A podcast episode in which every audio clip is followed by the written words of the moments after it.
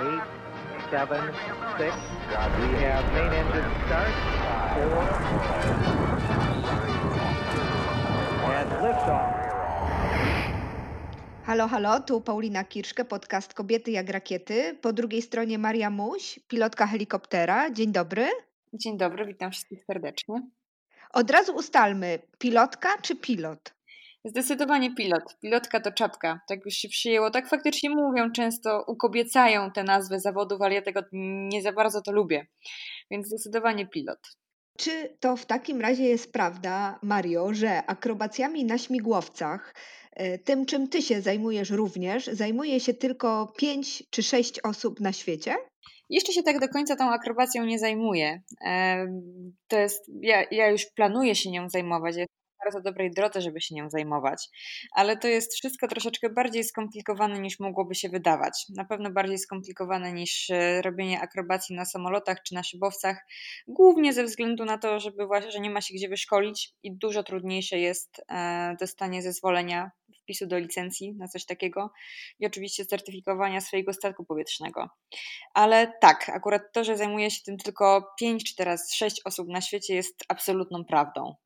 To zacznijmy od tego, że jesteś y, pilotem y, helikoptera i postanowiłaś nim zostać w zasadzie w kilkanaście minut, kiedy zasiadłaś za sterami po raz pierwszy. Tak, dokładnie tak to się zadziało. Ja nie planowałam w swoim życiu. Właśnie to jest też taka historia trochę się różniąca od innych e, kolegów po fachu, gdzie większość no to tak planowała to od dziecka, bardzo chciała, marzyła o tym, składała samoloty, chodziła na lotniska i ja absolutnie nie robiłam nic z tych rzeczy. W ogóle nie, lotnictwo mi było totalnie dalekie. Nawet o tym nie myślałam, nawet mi to nie przeszło przez myśl. Ja miałam konie, ja bardzo dobrze skakałam na koniach, byłam na wielu międzynarodowych zawodach, bardzo dobrze prosperowałam, bardzo się dobrze zapowiadałam jako zawodnik e, skoków przez przeszkody na koniach. Aż tutaj nagle tak, no miałam okazję posterować na swoje 16 urodziny, potrzymać stery w śmigłowcu i w zasadzie to wyszłam i już wiedziałam, że to jest to. Było bardzo... Że to i nic innego. To i nic innego. Znaczy, oczywiście konie zostały i jeszcze kilka innych rzeczy, ale to jest absolutnie taki, taka moja główna praca, praca hobby i pasja. Wszystko. To co takiego się zadziało w te kilkanaście minut, e, że, że postanowiłaś, że to będzie ten kierunek, który sobie w życiu wyznaczysz? Co takiego daje to latanie i to trzymanie sterów, że nie jest to porównywalne dla ciebie z niczym innym? To jest y, ciężko to opisać. Ja po prostu y, wzięłam te stery do ręki i ja wiedziałam, że to jest to. Tak jak się czasem ludzie zakochują w sobie od pierwszego wyjrzenia, tak, że spojrzą sobie w oczy i w ogóle wydaje im się, że. E, nie, przepraszam, nie wydaje im się, może czasem tak jest, że to jest to. Co oczywiście między ludźmi tak nie do końca wierzę, ale w śmigłowcach uwierzyłam i wzięłam stery do ręki i stwierdziłam, że to jest to. A co jest w tym takiego, że to mnie to tak strasznie jakby pociąga, tak, i kręci i tak bardzo chce to robić, no chyba właśnie tak, ta adrenalina, wolność e, i taka wyjątkowość tego, bo jednak jakby nie było, te śmigłowce są dalej dosyć, nawet w lotnictwie ogólnie, dosyć wyjątkowe. Mało ludzi to robi. Wybierając akrobację śmigłowcową nie mogłam sobie bardziej skomplikować życia. E, nie ma chyba na świecie rzeczy, która jest mniej popularna i taka trudniejsza w ogóle do zdobycia, oczywiście w tej, w tej kategorii tak sportów motorowych, e, bo to się pod to pewnie zalicza. Także nie mogłam sobie bardziej skomplikować życia. A ja bardzo lubię sobie komplikować życie i lubię osiągać to, co jest nieosiągalne. Tak. To zacznijmy od, od tego pierwszego kroku, żeby y, osiągnąć y, właśnie ten swój cel, mhm. czyli od y, licencji, którą trzeba uzyskać, żeby w ogóle na helikopterach latać. Jak, jak to wyglądało w Twoim przypadku? Jak, jak wygląda takie zdobycie helikopterowej licencji? Bo rozumiem, że można zdobyć licencję turystyczną i zawodową.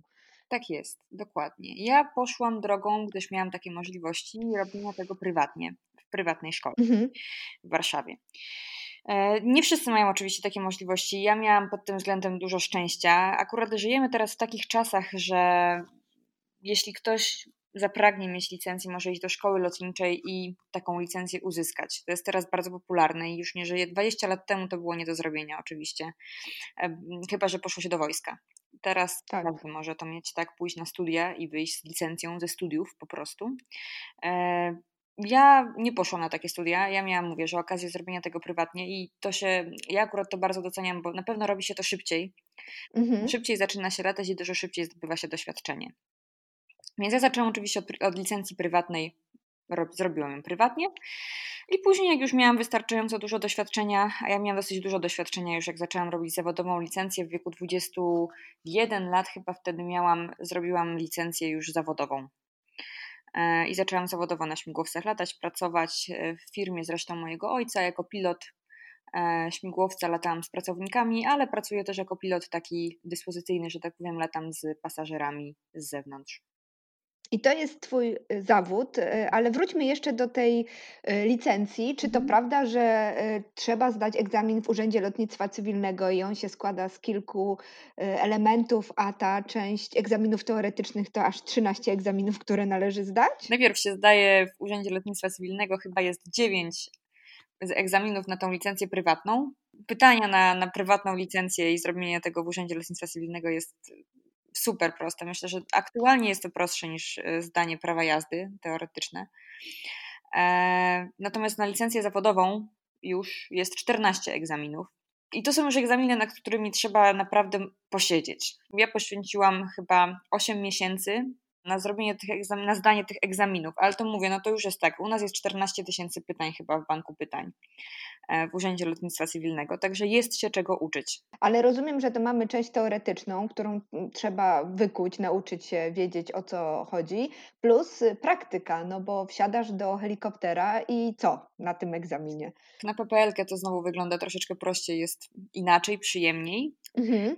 E, natomiast no, na zawodową już zaczynamy bardziej kłaść nacisk na procedury awaryjne, E, na to, żeby ten pilot był bardziej doświadczony, lądował w różnych miejscach, takich jak, nie, nie jak lotniska, tylko jakichś takich miejscach nieprzystosowanych w 100% do tego, żeby tam statek powietrzny lądował. E, także ciekawsze szkolenie na pewno. Latasz na różnych maszynach, ale jeden śmigłowiec jest dla Ciebie szczególny. Latam na trzech, latam na Belu i na Robinsonie. Na Belu latam, pracuję na Belu, tak, na Robinsonie latam sport, na Bolkow to w ogóle jest taki już mój wymarzony śmigłowiec, o którym zaczęłam, ja zaczęłam latać, ja od razu wiedziałam, że ja bym chciała polatać na Bolkowie, ja będę chciała latać na Bolkowie, bo Bolkow to jest śmigłowiec, maszyna, która może wykonywać akrobację, jako jeden z niewielu śmigłowców, z niewielu, jedna z niewielu konstrukcji, która może akrobację pełną wykonywać, taką akrobację, jak wykonują samoloty czy szybowce. E, I jest jeszcze kilka konstrukcji na świecie, oczywiście, które mogą to robić, ale nie są absolutnie tak udane i, i tak wszechstronne jak Bolkow. No i właśnie dlatego no, może robić te wszystkie rzeczy, które ja chcę robić, więc zespół idealny. No.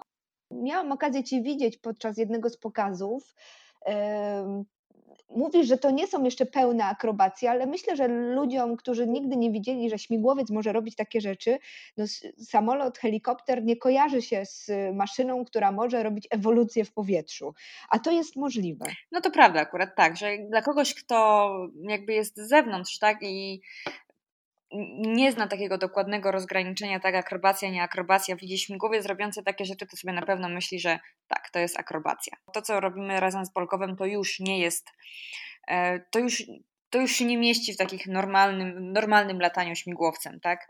Ja nawet jak latam z innymi kolegami, z pilotami, to mówią, no tak, no to są rzeczy dla innych śmigłowców zdecydowanie nieosiągalne. No i tak jest. Co jest nieosiągalne w, w, takim razie dla innych śmigłowców, co ty już potrafisz robić i, i robisz z Bolkowem, a czego inni robić nie potrafią? No bo śmigłowiec nam się kojarzy z tym, że jest jakieś miejsce, gdzie ten, ta maszyna musi usiąść, wziąć, nie wiem, jest to samolot ratunkowy na przykład, y, bierze pasażerów, startuje.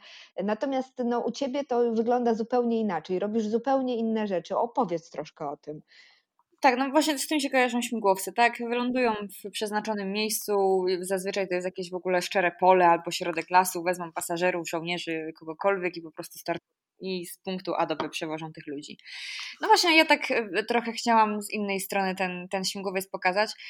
I my z Polkowem robimy, mówiąc, że robię rzeczy nieosiągalne dla innych śmigłowców, no to na razie, póki co, po prostu robię wszystkie te figury, które, w których mogę ustawić się w pionie, czyli 90 stopni do powierzchni Ziemi, ewentualnie w zakręcie też 90 stopni do powierzchni Ziemi.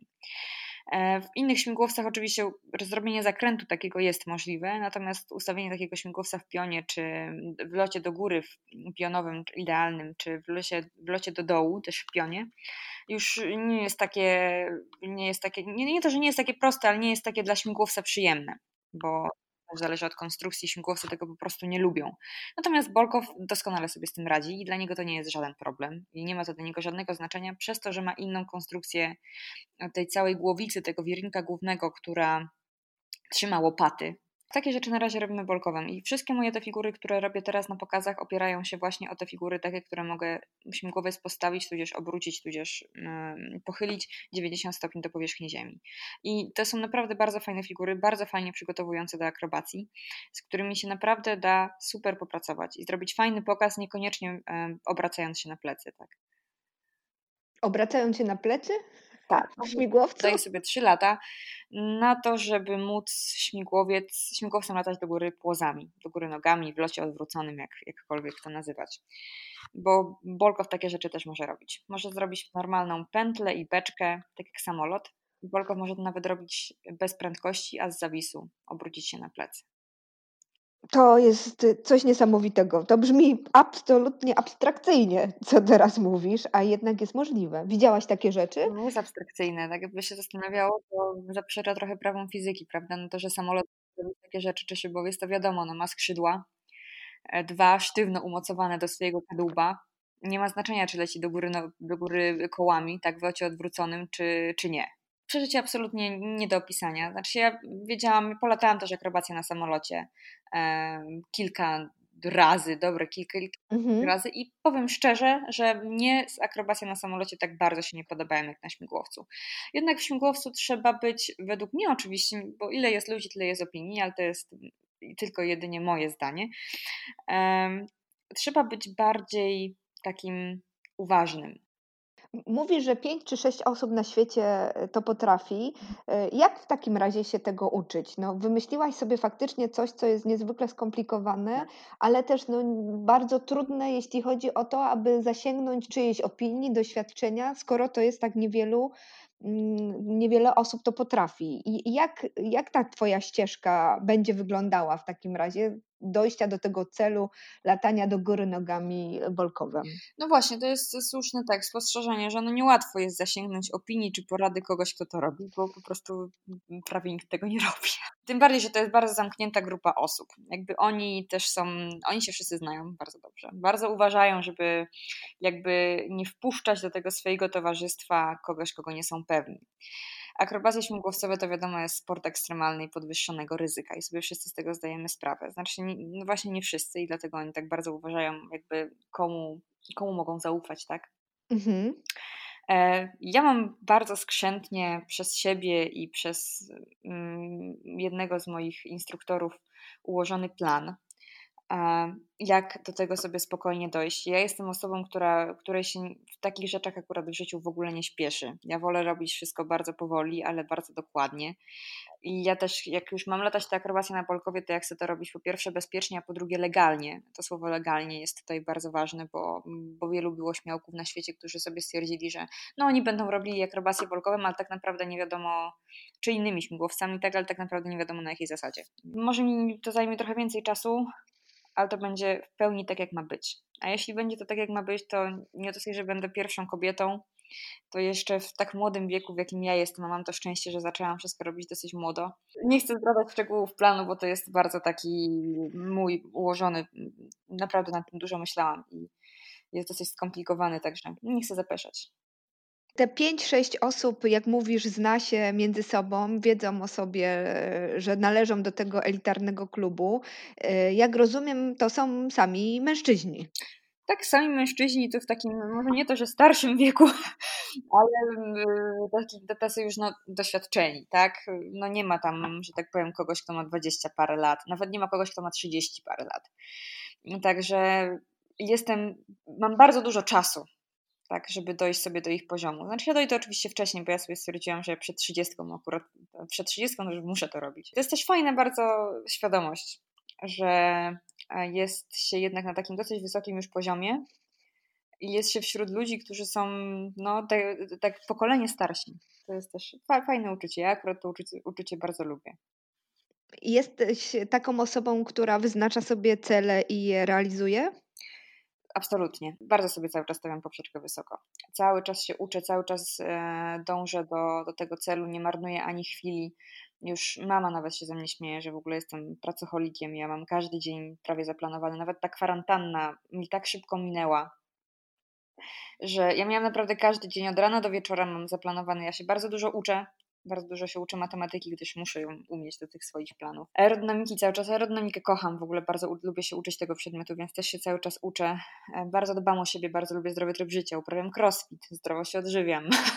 Także bardzo jestem taka poukładana, tak? I mówię, że nie mam, czasem mi tego brakuje, że nie mam czasu na taki większy luz, ale jeszcze przyjdzie na to czas, także spoko.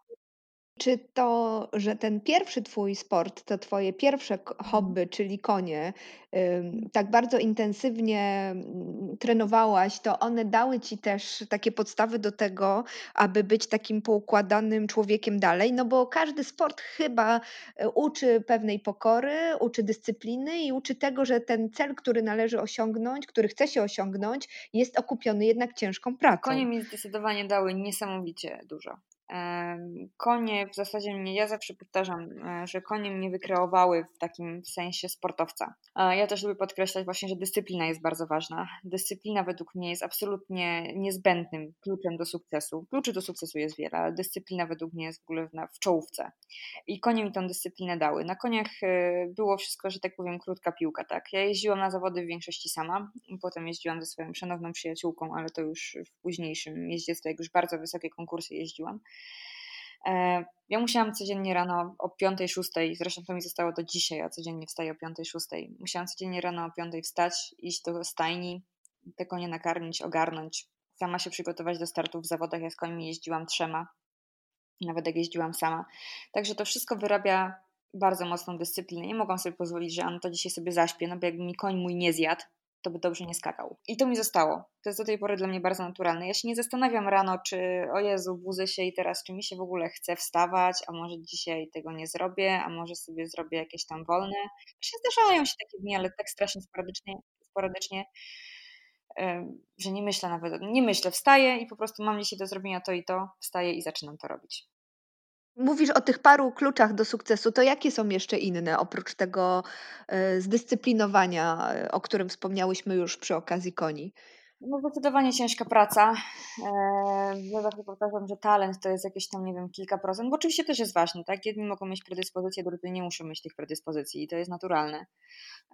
Ale mi się wydaje, że wszystko da się odkupić ciężką pracą, więc ciężka praca, dyscyplina, Niepoddawanie się, podnoszenie się z porażek, bo porażki według mnie bardzo mocno uczą. E, uczą dużo lepiej niż sukcesy i można z porażek dużo więcej wyciągnąć niż z sukcesu. Więc absolutnie nie poddawanie się. Jak nie wyjdzie, to jeszcze raz. Ja też mogę mieć dużo, dużo zastrzeżeń do swoich startów w sporcie śmigłowcowym na przykład. Nie zawsze jakby idzie mi tak, jak sobie to, tego zażyczę, e, a wręcz często mi bardzo nie idzie, bo mi na tym bardzo zależy i ja uważam, że muszę jeszcze bardzo dużą barierę pokonać w swojej głowie, jakby mentalnie być lepszym sportowcem. Ale z każdych tych zawodów, z których miałam porażkę, z każdych coś wynoszę. I to jest właśnie bardzo fajne. I jestem pewna, że pewnego dnia coś po prostu pyknie i zacznę odnosić takie sukcesy, jakie chcę. Mówisz, że głowa jest bardzo ważna, o tym też mówią sportowcy, że to, żeby sobie poukładać w głowie wszystko jak należy, e, to jest najważniejsza rzecz.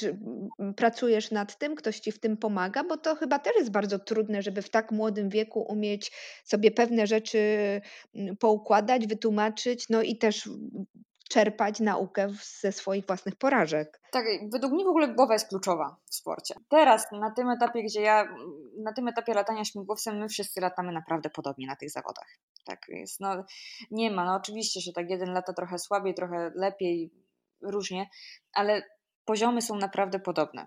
Według mnie w pierwszej dziesiątce zawodników, może nawet piętnastce, rolę odgrywa już to, jak kto jest przygotowany do tego mentalnie. E, oczywiście, jednym, jednym ja to traktuję, ja mam tego pecha, tudzież nie, nie wiem, albo szczęście, albo nieszczęście, już nawet nie wiem e, dokładnie jak to, jak, w którą to stronę pokierować, że mnie bardzo zależy. Tak, ja, mnie bardzo zależy, bardzo chcę dokładnie wszystko zrobić.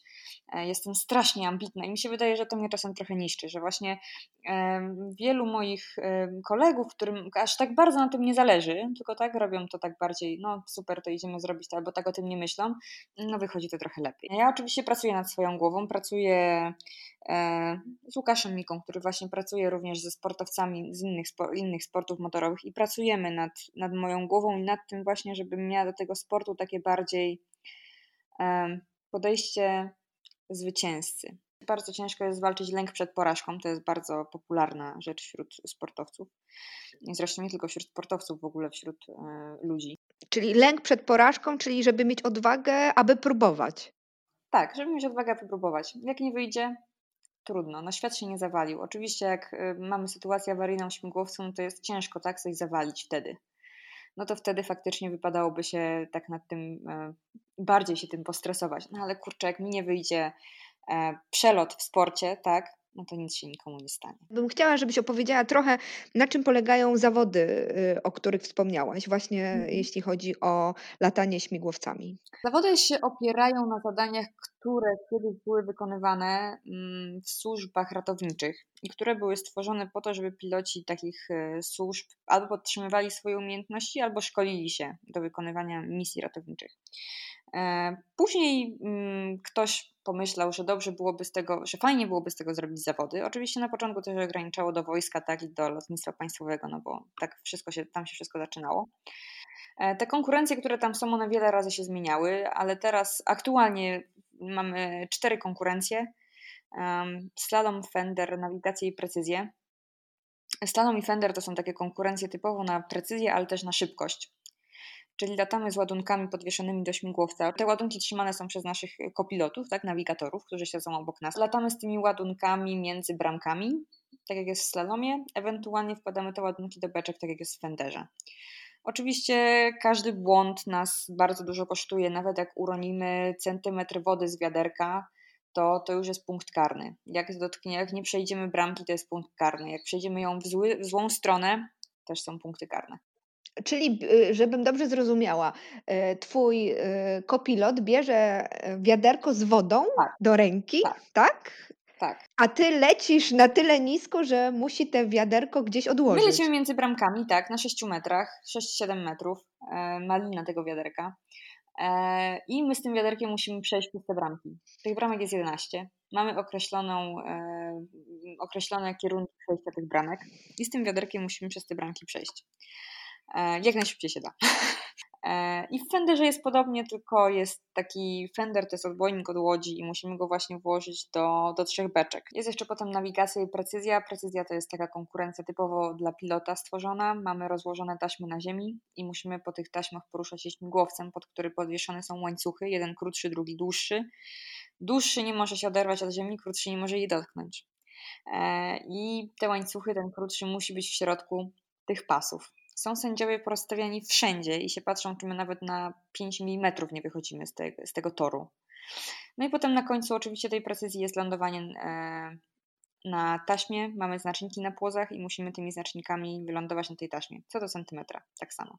A nawigacja to już oparta taka czysto konkurencja na zadaniach z wojska, gdzie mieliśmy, gdzie mieli piloci na mapie oznaczone, gdzie są żołnierze i musieli ich znaleźć. No my nie szukamy też ludzi, tylko szukamy znaków na ziemi.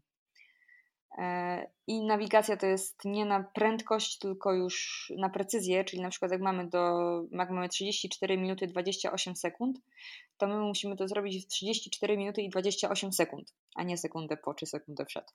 Ile jest zawodów w sezonie, w których bierzesz udział? Normalnie są, normalnie jest, są cztery. To jest system pucharowy. Zawsze są zawody w Rosji. W, w Rosji zawody to są zawsze najbardziej udane zawody, bo Rosjanie naprawdę świetnie to organizują i są właśnie najlepsi teraz na świecie. Byłam na trzech zawodach, tak naprawdę zadowolona jestem tylko z Rosji.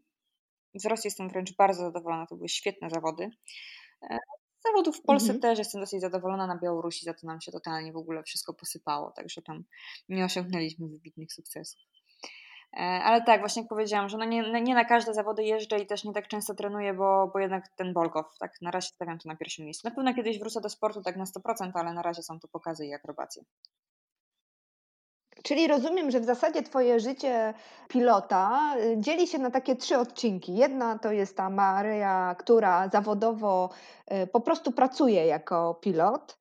Mhm. Drugie to jest Bolkow i akrobacje, które są ukochane i na pierwszym miejscu.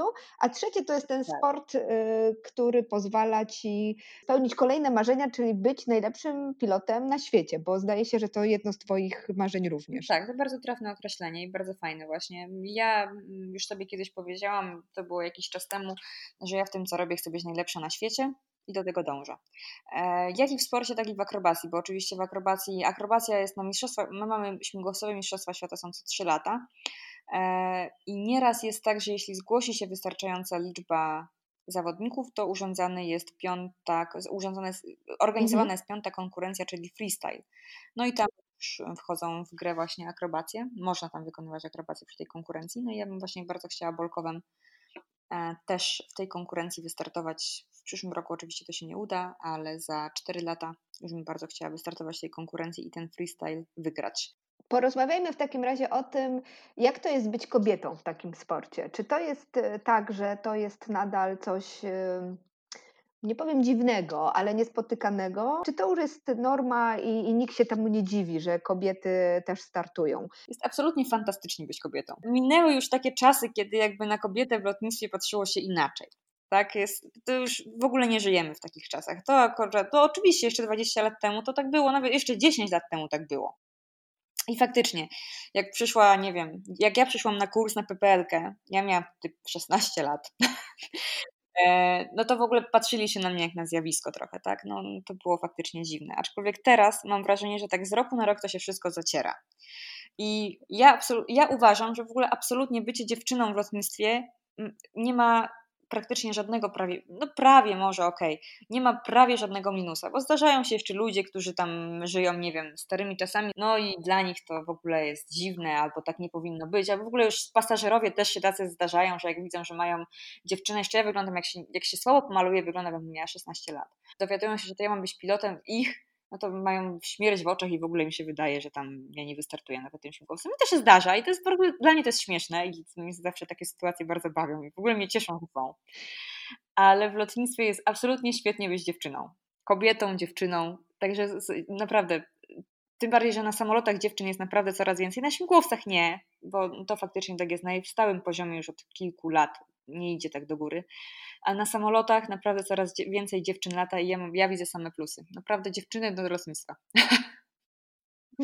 A dlaczego same plusy? Jakie są te plusy bycia kobietą, dziewczyną w lotnictwie właśnie? No kurczę, ja na przykład zauważyłam, że na mnie, na przykład jak dzwonię gdzieś na lotnisko, czy nie wiem, załatwić coś tak, że lądowanie, e, że czegoś potrzebuję, paliwa, to mnie na przykład się dużo łatwiej te rzeczy załatwia. mam przynajmniej takie wrażenie, naprawdę. I nie mam nigdzie problemów wszyscy są zawsze tacy właśnie zszokowani, ale tak przyjemnie. W szkołach y, podstawowych czy liceach często podejście nauczycieli jest takie, nie no dziewczyny to wy tam się zajmujcie, nie wiem, tam na WF-ie aerobikiem na przykład, a chłopcy będą grali w piłkę.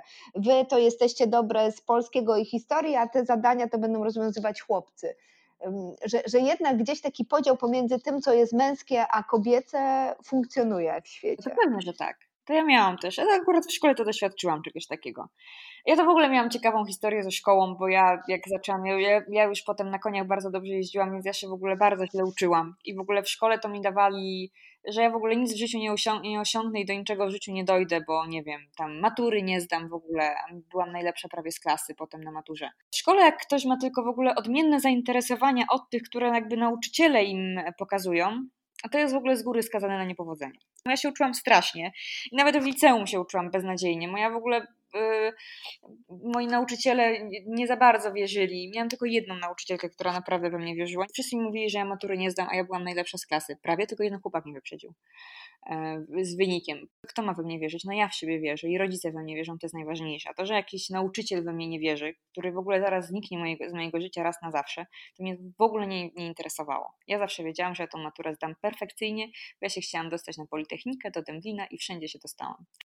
Wybrałam jakby Akademię Obrony Narodowej, z czego też się bardzo, bardzo cieszę. Jestem zachwycona licencjatem, szczególnie na tej uczelni było super. Ty w siebie wierzysz i rodzice w, siebie, w ciebie wierzyli. Y, to jest bardzo ważne, prawda? Żeby mieć takich ludzi, którzy cię dopingują i mówią: hej, możesz osiągnąć wszystko, o czym sobie zamarzysz. To jest mega ważne, aczkolwiek dalej uważam, że najważniejsze jest, żeby samemu siebie wierzyć. Czyli taka moja wiara we mnie dla mnie jest absolutnie przodująca. Bardzo są ważni dla mnie rodzice zawsze byli i będą i oni w ogóle, ich pomoc jest nieopisana.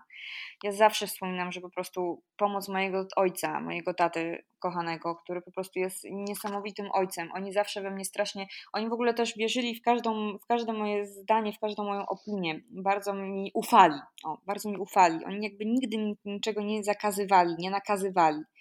Mamie też jestem niesamowicie wdzięczna. Mama w ogóle, to co mama czasem znosiła, jakieś moje różne takie humory, jak przychodziłam zmęczona, nie wiem, po nauce, czy po lataniu, czy jak mi coś nie wyszło, to po prostu mama jest niesamowita, mama jest psychologiem i moją najlepszą przyjaciółką. Lepszej po prostu nie trafi się.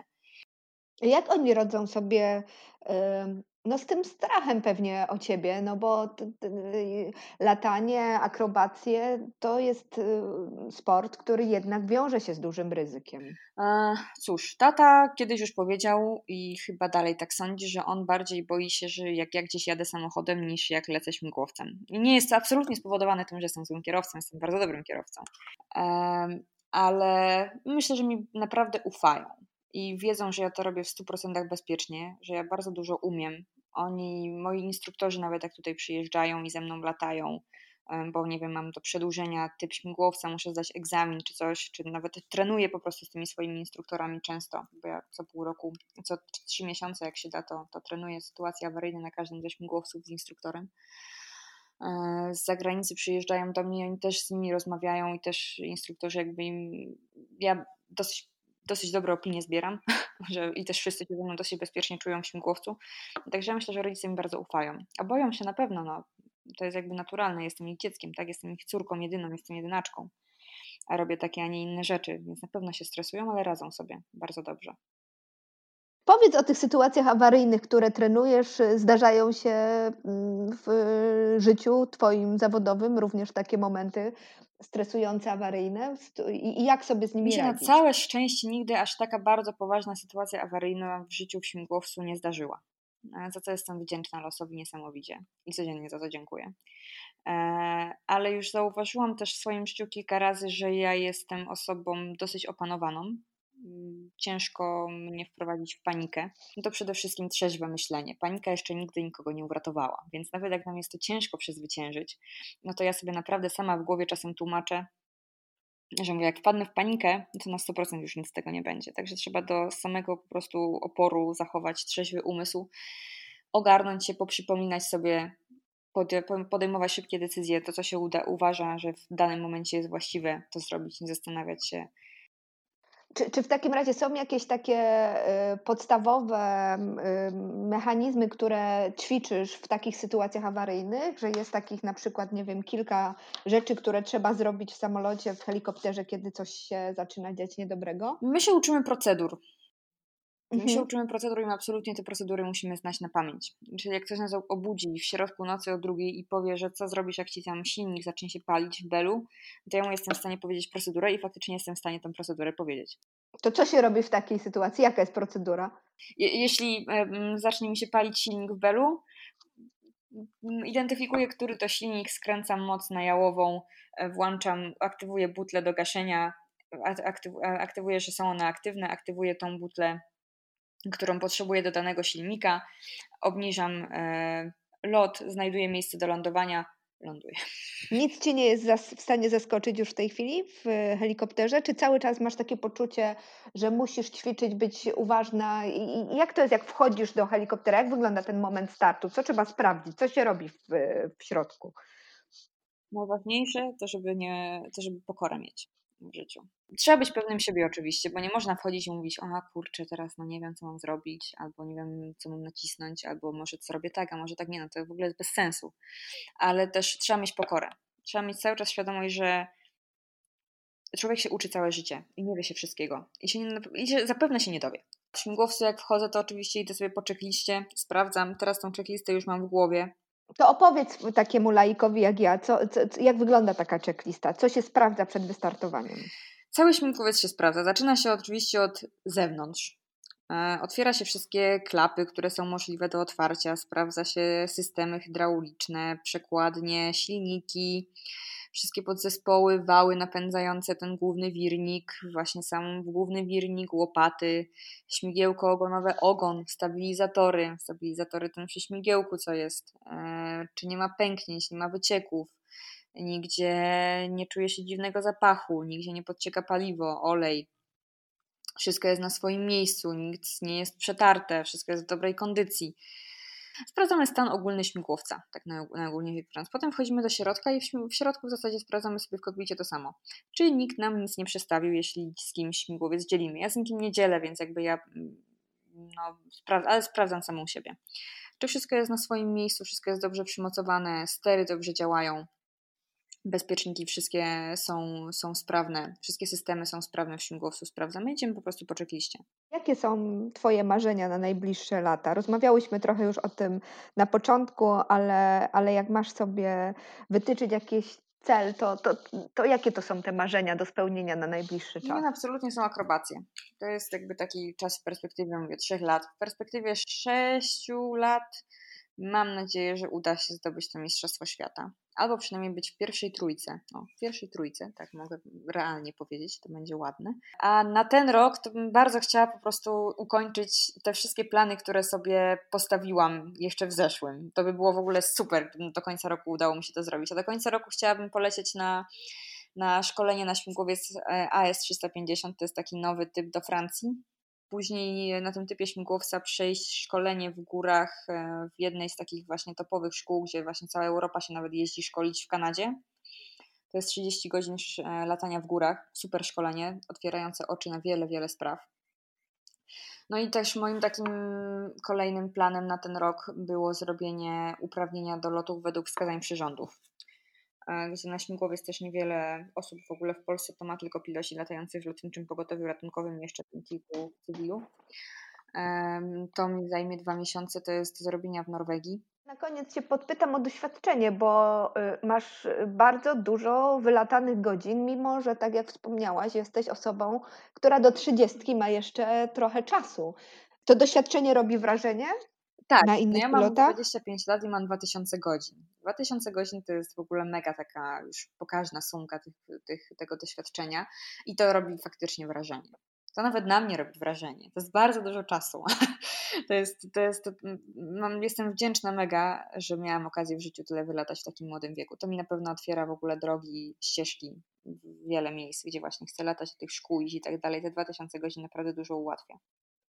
A masz jakieś takie marzenia, które są do spełnienia dalej niż ten plan pięcioletni do trzydziestki? Czy, czy planujesz raczej w takich krótkich odstępach czasu, żeby dojść do jakiegoś celu, a potem stawiasz sobie nowe? Potem stawiam sobie nowe, raczej chyba jestem z tego typu człowieka, że już tak dalszych celów niż na te takie 5, 6, 7 lat na razie sobie nie robię, bo ja jestem bardzo ambitna i na 100% się coś pojawi, ale na pewno jak już mi się trochę uspokoi to latanie, uspokoi. Ja nie przestanę latać. Tak jak ja będę latała akrobację, to ja będę dążyła właśnie do tego, żeby to robić najlepiej na świecie, żeby robić to super, żeby latać na międzynarodowych pokazach lotniczych, nie tylko u nas w kraju, nie tylko w Europie. Ale jak mi się troszeczkę z tym lataniem uspokoi w takim sensie, że już nie będę musiała nad matematyką siedzieć e, dwie godziny dziennie albo nad książkami, to bardzo bym chciała zacząć strzelać. pojeździć na zawody, postrzelać. Bardzo bym chciała też pojeździć sportowo samochodem na torze. To mi się bardzo podobało zawsze. I jeszcze mój tata będzie szanowny, zachwycony. Bardzo chciałabym zacząć grać w golfa. Także ja wiem, że to takie odmienne od tego strzelania i od jeżdżenia samochodem, ale ten sport, w ogóle golf mi się bardzo podoba, to jest bardzo, to jest gra głowy. Bardzo ważna jest właśnie głowa w tym sporcie. Uważam, że to by mi pomogło w lataniu. Więc bardzo chciałabym zacząć grać w golfa jeszcze, ale do tego potrzebuję więcej czasu. Także ja mam planów, a planów. Bardzo Ci dziękuję za rozmowę. Cieszę się y, z tego, że, że znalazłaś czas. Bardzo mi miło było. Trzymam kciuki za wszystkie cele, y, które chcesz osiągnąć. I do usłyszenia w takim razie i zobaczenia na jakimś pokazie. Bardzo dziękuję i do usłyszenia i do zobaczenia na pokazach oby wkrótce. Seria podcastów Kobiety jak rakiety realizowana jest przez Fundację imienia Julii Wojkowskiej. Patronem technologicznym projektu jest INEA SA.